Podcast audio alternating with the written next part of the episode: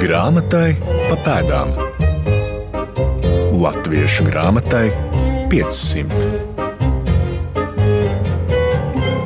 Labdien, grāmatniecības un vēstures draugi! Šodien es, Toms Strēbergs, jūs sveicinu no Bauskas, Livonijas ordeņa pils. Nosauksim to par veco pagalmu. Nu, pat esam izgājuši cauri arī pilsētas jaunajam pagalmam, un šoreiz ar mani kopā ir Jāzep Vīto Latvijas Mūzikas akadēmijas rektors, profesors, muzikologs un senās mūzikas pētnieks Gunters Prānis. Labdien, Gunter! Labdien! Mēs tagad tuvojamies jau pilnā mērā varam uzskatīt šo pagalmu, kur otrā pusē pavasarīgi mirguļo mēmeles upe. Un ar šo pagalmu, protams, mums ir noteikta interese pastāstīt, kāds ir iemesls, kāpēc atnācām palūkoties tieši uz šejieni. Tepat blakus ir Bauskas pilsēta tornis, zem kura atradās cietums, kur ļoti ticams savulaik Burkhards Valdis atzējoja savus psalmus.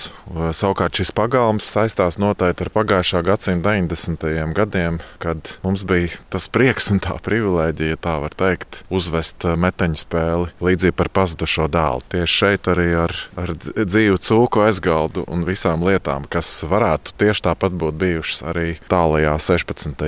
gadsimtā. Cik man zināms, ka šo meteņu spēli pirmo reizi parādīja 1527. gada 13. februārī un pie Pēterbaznīcas laukuma. Jā, tas bija ļoti saistīts ar Rīgu kā reformācijas pilsētu, ar dinamiskiem reformācijas laika notikumiem. Burkhards Valdis tātad eh, sarakstīja šo savu līdzību vai parabolu, kā viņš pats to nosauca, un, un tā tika atskaņota, parādīta, uzvesta kopā ar Svētā Pētera baznīcas skolas bērniem cik tālu mēs to zinām. Un tiešām tas bija laukumā Pēterbaznīcas priekšā, kurš šodien, starp citu, ir nodēvēts par reformācijas laukumu. Un tagad dosimies satikt Bauskas pilsētas muzeja galveno krājuma glabātāju Jāni Grūbi un kopīgi parunāsim par dzinieku, dramaturgu, franciskāņu mūku, varētu sacīt tiešām patiesu renesanses cilvēku Burkartu Valdisu. Grāmatai pa pēdām. Reformācijas ietekme gan uz Vācijas, gan Eiropas literatūru kopumā bija ievērojama, un to vispirmām kārtām veicināja pats Mārtiņš Luters.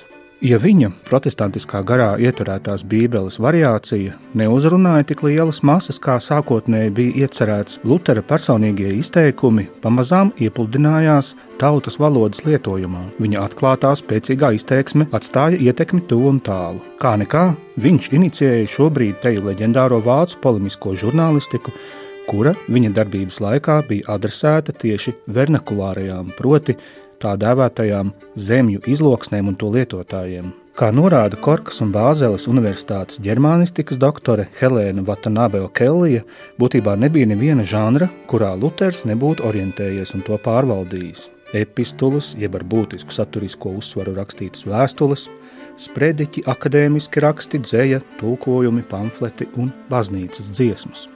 Reformācijas stilistiskā un ideoloģiskā balss rosināja arī franciskāņu mūku, dzinieku, tulkotāju, skaņradi, alvas lējēju un dramaturgu Burkārdu Valdisu lejas vācu valodā sacerēt parabolu par pazudušo dēlu, kurš dramatiskā intensitātē atainoja Lūkas evaņģēlijas stāstu, lai izceltu vēstījumu par luteriskās ticības doktrīnas pamatojumu, kurā priesterība ir ticīgo kopība, nevis īpaši izvēlētu garīdznieku ekskluzivitāte.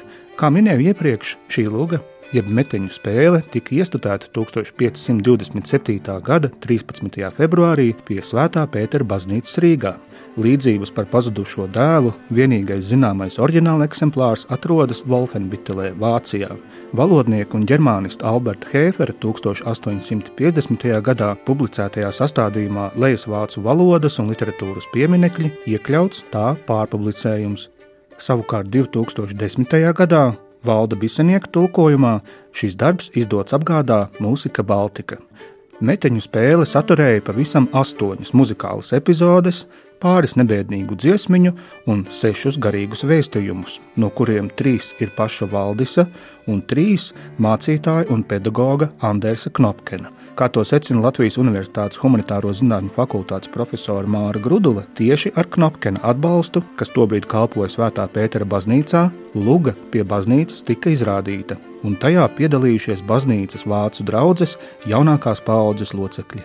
Burkhardt Valdisa nozīmīgumu mūsu kultūras vēsturē sākam risināt ar Bauskas pilsētas muzeja galveno krājumu glabātāju Jāni Grūbi un senās mūzikas pētnieku, mūziķi un Jāzepa Vītola Latvijas Mūzikas akadēmijas rektoru Gunteru Prāni. Izpētes augsta. Kā katram vēsturiski nozīmīgam punktam, kurā mēs arī šodien atrodamies, arī ir sava tēlu galerija, ja tā var teikt. Un kā ir ar Valdis, vai viņš jums jau līdzšinējā pieredzes gaitā ir bijis tas galerijas dalībnieks, vai tikai šīs reizes dēļ jūs atkal atgriezāties pie viņa saistības? Nu, ir, Valdis vārds Bauskas pilī jau ir pieminēts stipri bieži.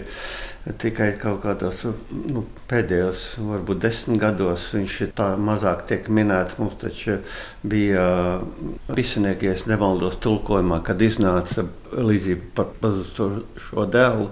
Mums taču pat Bauskas pilsētas pagalmā bija tā iz, visa izrāde ar visām dziedāšanām, ar visām deklamācijām. Un, nu, ir vienmēr ekskursija laikā viņa vārds tiek visu laiku pieminēts, ka vi, tas ir tāds ne tikai Latvijas mēroga slavenība, bet es pat nebaidīšos teikt, ka arī, arī Eiropas mēroga cilvēks zināmā mērā. Un ka viņš ir viņam bijis tikai tik tāda interesanta tāda biogrāfija, tik daudz tādu liktenīgu pavērsienu viņa dzīvē ir bijis.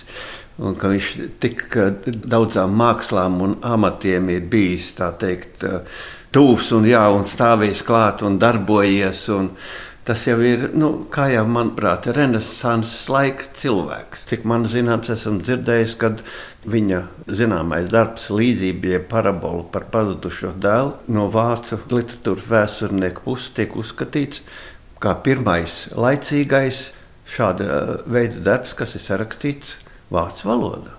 Jā, tas pirmais dramatiskais jā, jā, jā. Te, te, teksts vispār viduslaiks vācu valodā Jā. ar, ar milzīgu vērtību. Man liekas, ka Burkhards Valdis, ja man šodien vajadzētu teikt, viena no atslēgu figūrām, kad mēs domājam par mūsu kopīgo vācu un latviešu vēsturi, Jā. vispār kultūru vēsturi, kas man liekas, ka tāds, tāds krustpunkts jau ar, ar reformācijas notikumiem un humanisms. Mēs varam pieķerties viņam kā cilvēkam, kurš ir nācis no šī viduslaika mantojuma, franciskāņu mūks, un tad eh, šīs milzīgās transformācijas viņa dzīvē, viņa, viņa domā domāšanā, viņa garīgajā gājumā, šīs pārmaiņas divreiz cietumā. Vienreiz no vienas puses, otrreiz no otras puses. Tāpēc mēs pa Bauskrei runājam. Man liekas, ka tas ir nepārvērtējami mūsu vēsturē. Viņš saistīts ar Livoniju, saistīts ar Rīgu. Citu pašu vāciešu arī mūsdienās aizvien aktīvāk aktivizē šo arī viņu vēstures posmu. Un, ja runājam par meteņu spēli, līdzību par pazudušo dēlu vai parabolu par pazudušo dēlu, tad Tolaik, teiksim, reformācijas laiks, pirmie 20 gadi reformācijas laika, kaut kur avoti runā par to, ka ir 20, pat pāri par 20 dažādu versiju par šo, te, par šo te līdzību, un, protams, ka tā nav nejaušība. Un jāsaka, ka Burkhards Valdis šeit balstās gan uz antīko drāmu, gan uz viduslaiku mistērijas spēles, eh, tiem pamatiem, kas nozīmē, ka stāsts ir jānotēlo. Stāstam jābūt piedzīvojamam. Tas, tas neko nelīdz, ka es tev tūlītās visu izstāstīšu, nolasīšu, un tad tu viss būs sapratis. Tā tas nefunkcionē. To zināja visos laikos. Jā. Tas ir jānotēlo, tas ir jāizveido par dramaturgisku notikumu, kur eh, īstenībā jau viduslaikos, bet arī renesanses laikā mm, skatītājs eh, nosacīti vispār ir pats, ja tā var teikt, ievilkts tajā stāstā. Viņš piedalās tajā stāstā kaut vai ar kaut kādiem izsaucieniem vai burkhardu valdis gadījumā ar kopīgiem dziedājumiem. Ja, viņš ir iekļāvis dziesmas, kur klausītājs, skatītājs arī piedalās dziedot. Tādējādi viņš saka, ka šis viss attiecās arī uz mani. Šobrīd ne tikai man kaut kas no skatuves, tur, nu, kā mēs kādreiz aizjām uz teātru. Nu, patīk, patīk, nepatīk, ejam uz mājām, viss ir beidzies. Ja? Bet uh, īstenībā tas stāsts uz mani attiecas tik ļoti, ka es nemaz nevaru no tā pilnībā nodistancēties. Un, un skaidrs, ka Lūkas evanģēlijas 15. nodaļa šis ārkārtīgi dinamiskais, kontrastiem pilnais stāsts par pazudušo dēlu, viņa došanos pasaulē, viņa zemo krišanu no morāla aspekta un, un viņa atgriešanos, un, un, un vēl taču vecākā brāļa stāsts, ko viņš par to visu domāja. Burkhards Valdis to ieliek tādā ļoti plastiskā scenārijā, divos cēlienos, kur pirmais ir šī krišana, līdz pat eh, krogu sainām, krogus meitas pat eh, piedalās tajā visā. Eh, mēs pat zinām, kā viņas sauc, Elza un Grēta, un, un tad, ir, tad ir šis tēvs Es, es neaizmirsīšu nekad, kā mēs 90. gada beigās šeit, Balskas pilī, uzvedām, un, un aktieris Juris Strānga bija tēva tēls. Tas bija fascinējoši, kā viņš aicināja to dēlu atpakaļ. Man vēl tagad skan ausīs viņa dēls. Tas tā līdz, līdz sirds dziļumiem var aizskart, ja, un, un šis atgriešanās stāsts. Un bērns kā eņģelīts, kas lasa evaņģēlēju, un visas šīs krāsas un, un krāsas nianses, un arī dziedājumi, teiksim, ir paredzēti piecbalsīgi kordziedājumi luterismu kā objektīvais stāsts, nu vispār luterismā korāls kā tāds nu, tā kā simbolizē objektīvo patiesību, kā Dievs uz to visu skatās. Un tad ir sekulārā puse, tur krogus dziesma un, un, un dzīru mūzika, pat uzskaitot mūzikas instrumentus, kur mūzikas vēsturnieks saka, nu, ko tad viņi Rīgā tur izmantoja, kas viņiem bija. Tā ir 1527. gada 13. februārī, kad viņi uzveda šo meteņu spēli. Visticamāk, Pētera baznīcas priekšā, tā ir pagalmā. Jā. Līdzīgi kā viduslaikos, visas viduslaika mistērijas spēles, mēs zinām jau krietni senāk, arī, arī Rīgā tas ir, ir dokumentēts jau, jau Indriča kronikā. Un tad mēs lasām, ka tur ir flautas, tur ir kornetes, tur ir šalmējas. Mēs varam uzburt to ainu. Lai gan eh, Burkhards Valdis konkrētas notis eh, nedod, viņš tikai raksta tekstus, un eh, te man liekas, ka arī ir ir jāmāk traktēt, līdzīgi kā viduslaika mistērijas spēles. Viena un tā pati spēle nekad netika atskaņot uzvesta vienādi no gada uz gadu. Vienmēr kaut kas tur tika likts klāt, kaut kas mainīts, kaut kas improvizēts, atbilstoši tam, kas bija pie rokas. Ja nebija tie instrumenti, tad skatījās, kas bija, un bija cits skaņdarbs un cits dziedājums. Un... Rīcībā, lai kaut ko spēlētu. Nu, jā. jā, bet, bet svarīgākais bija šis spilgtais stāsts un, protams, luterismu tā esence. Jā, ka tev tiek dāvināta grēku piedošana, nepelnīti nožēlot grēkus, tu saņem grēku piedošanu. Ja? Tad tā luterisma esence, ja? ka tas tēvs to pazudušo dēlu gaida mājās, un, un, un tur tās dzīves, un ka viņš ir atgriezies. To Burkhards Valdis visu tā brīnišķīgi arī, arī izvada tajā scenārijā, balstoties uz tiem antīkās drāmas principiem, kontrastiem. Izpētes augsne. Latviešu grāmatai 500. Burkhardu Valdisu ar Rīgu un Livoniju vispār saista visai ilgs dzīves posms - 17 gadi, proti no 1523. līdz 1540. gadam, apmēram no 34. līdz 50. mūža gadam.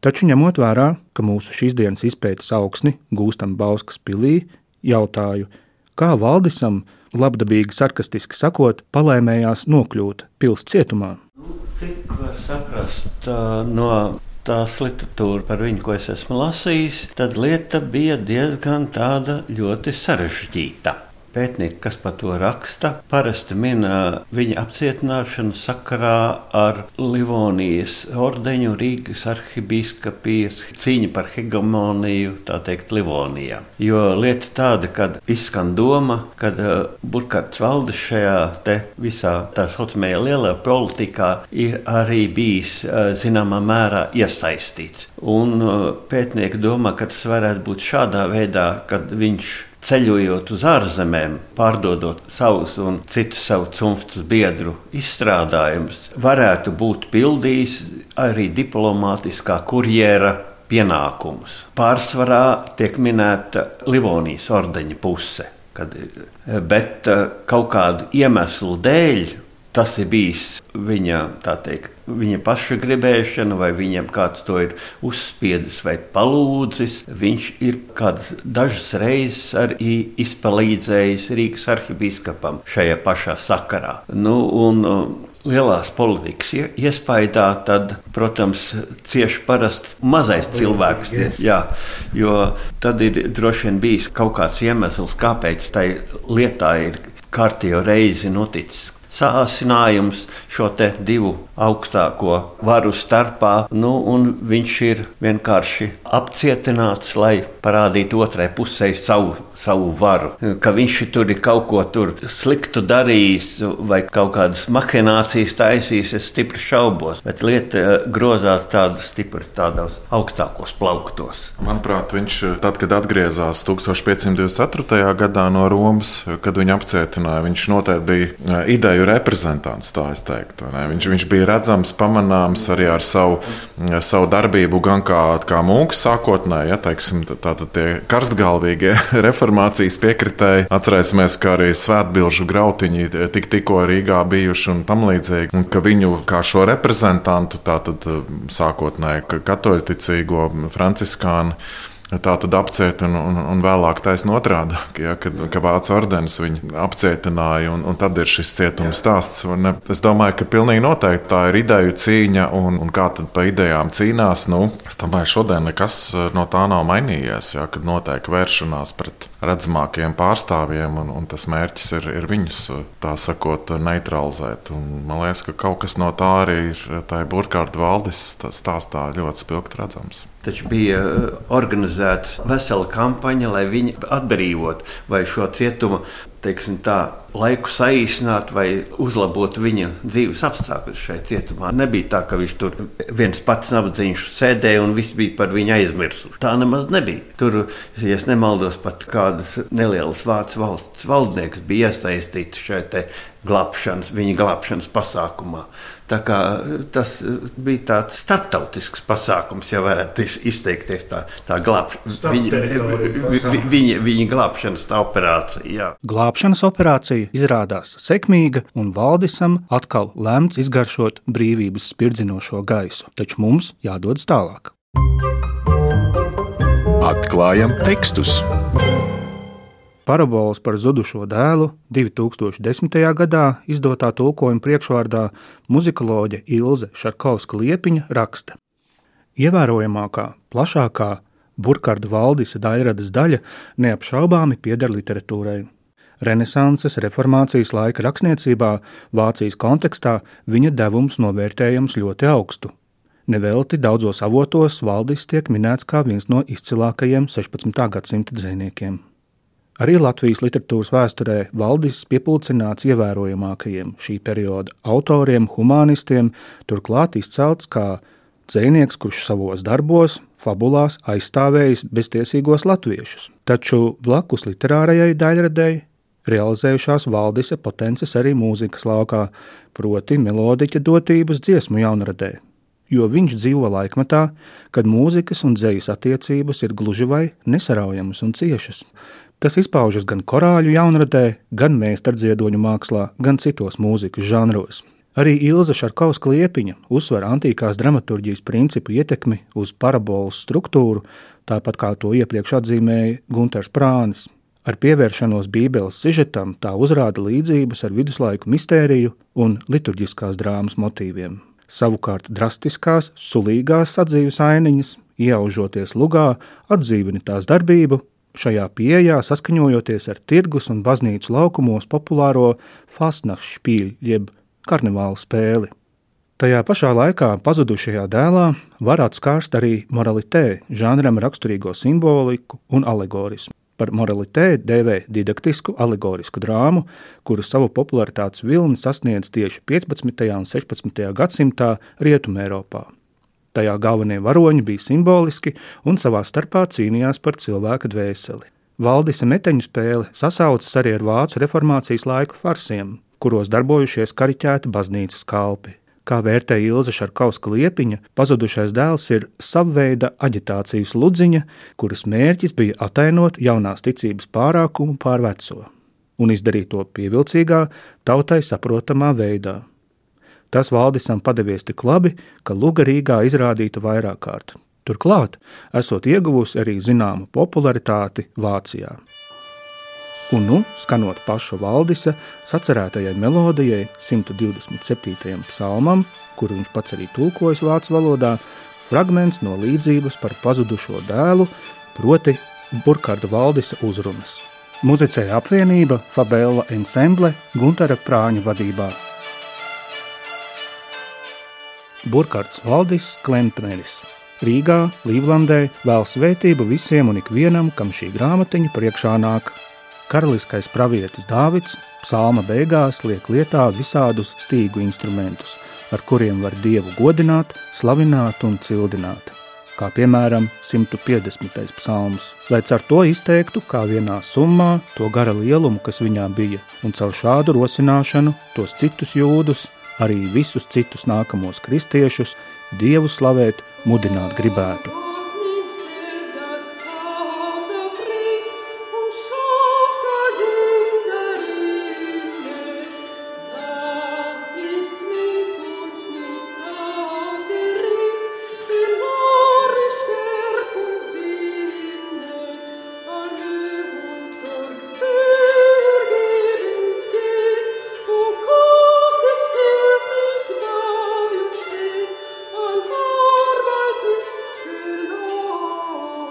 Jūs ēdat vai dzerat, vai ko jūs arī darāt, dariet to visu mūsu Kunga Jēzus Kristus vārdā.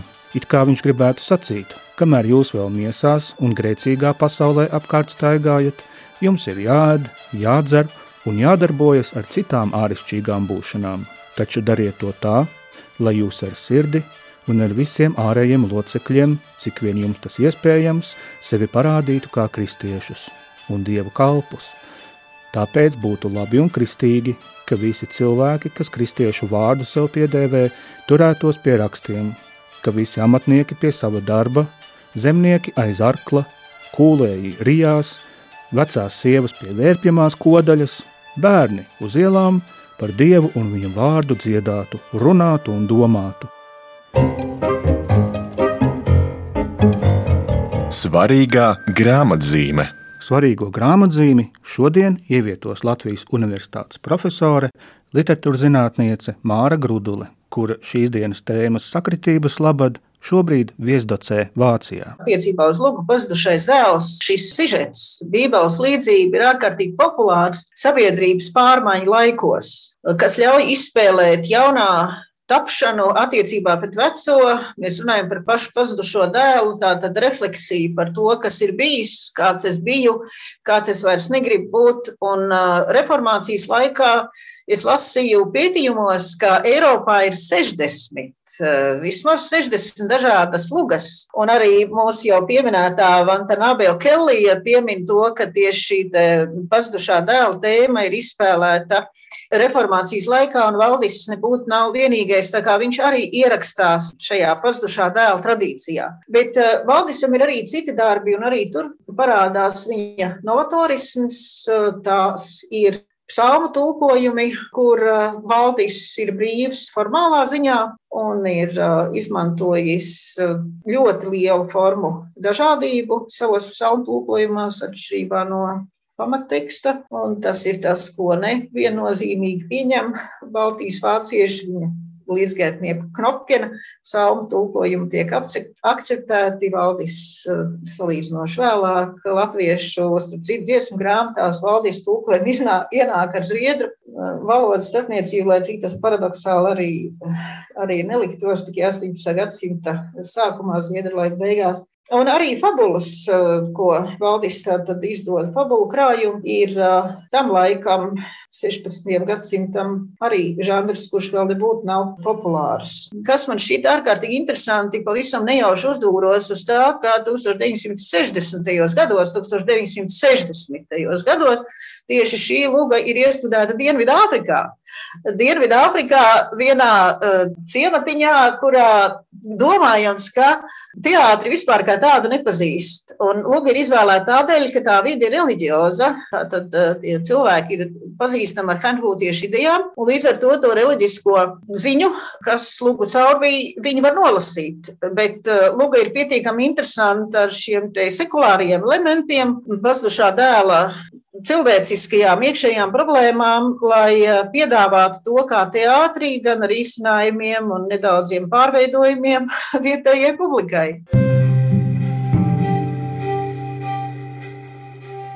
Noslēdzas kārtējā grāmatas izsakošana. Pateicos par sadarbību mūzikas vēsturniekam Gunteram Prānim, Bauskas pilsētas muzeja galvenajam krājuma glabātājam Jānim Grūbēm un muzeja direktoram Mārim Skanim, kā arī literatūras zinātniecei Mārai Grudulē. Raidījuma producente Santa Lauga, par labskaņu gādāja Nora Mitspapa, raidījuma padomdevējs Latvijas Nacionālā bibliotēka. Ar jums sarunājās Toms Streibergs, bet nākošajā epizodē pētīsim latviešu grāmatas dzīvi pirms molīna tipogrāfijas. Gan šo, gan daudzus citus raidījumus klausieties jaunajā Latvijas radio aplikācijā. Visu labu! Grāmatai pa pēdām. Latviešu grāmatai 500.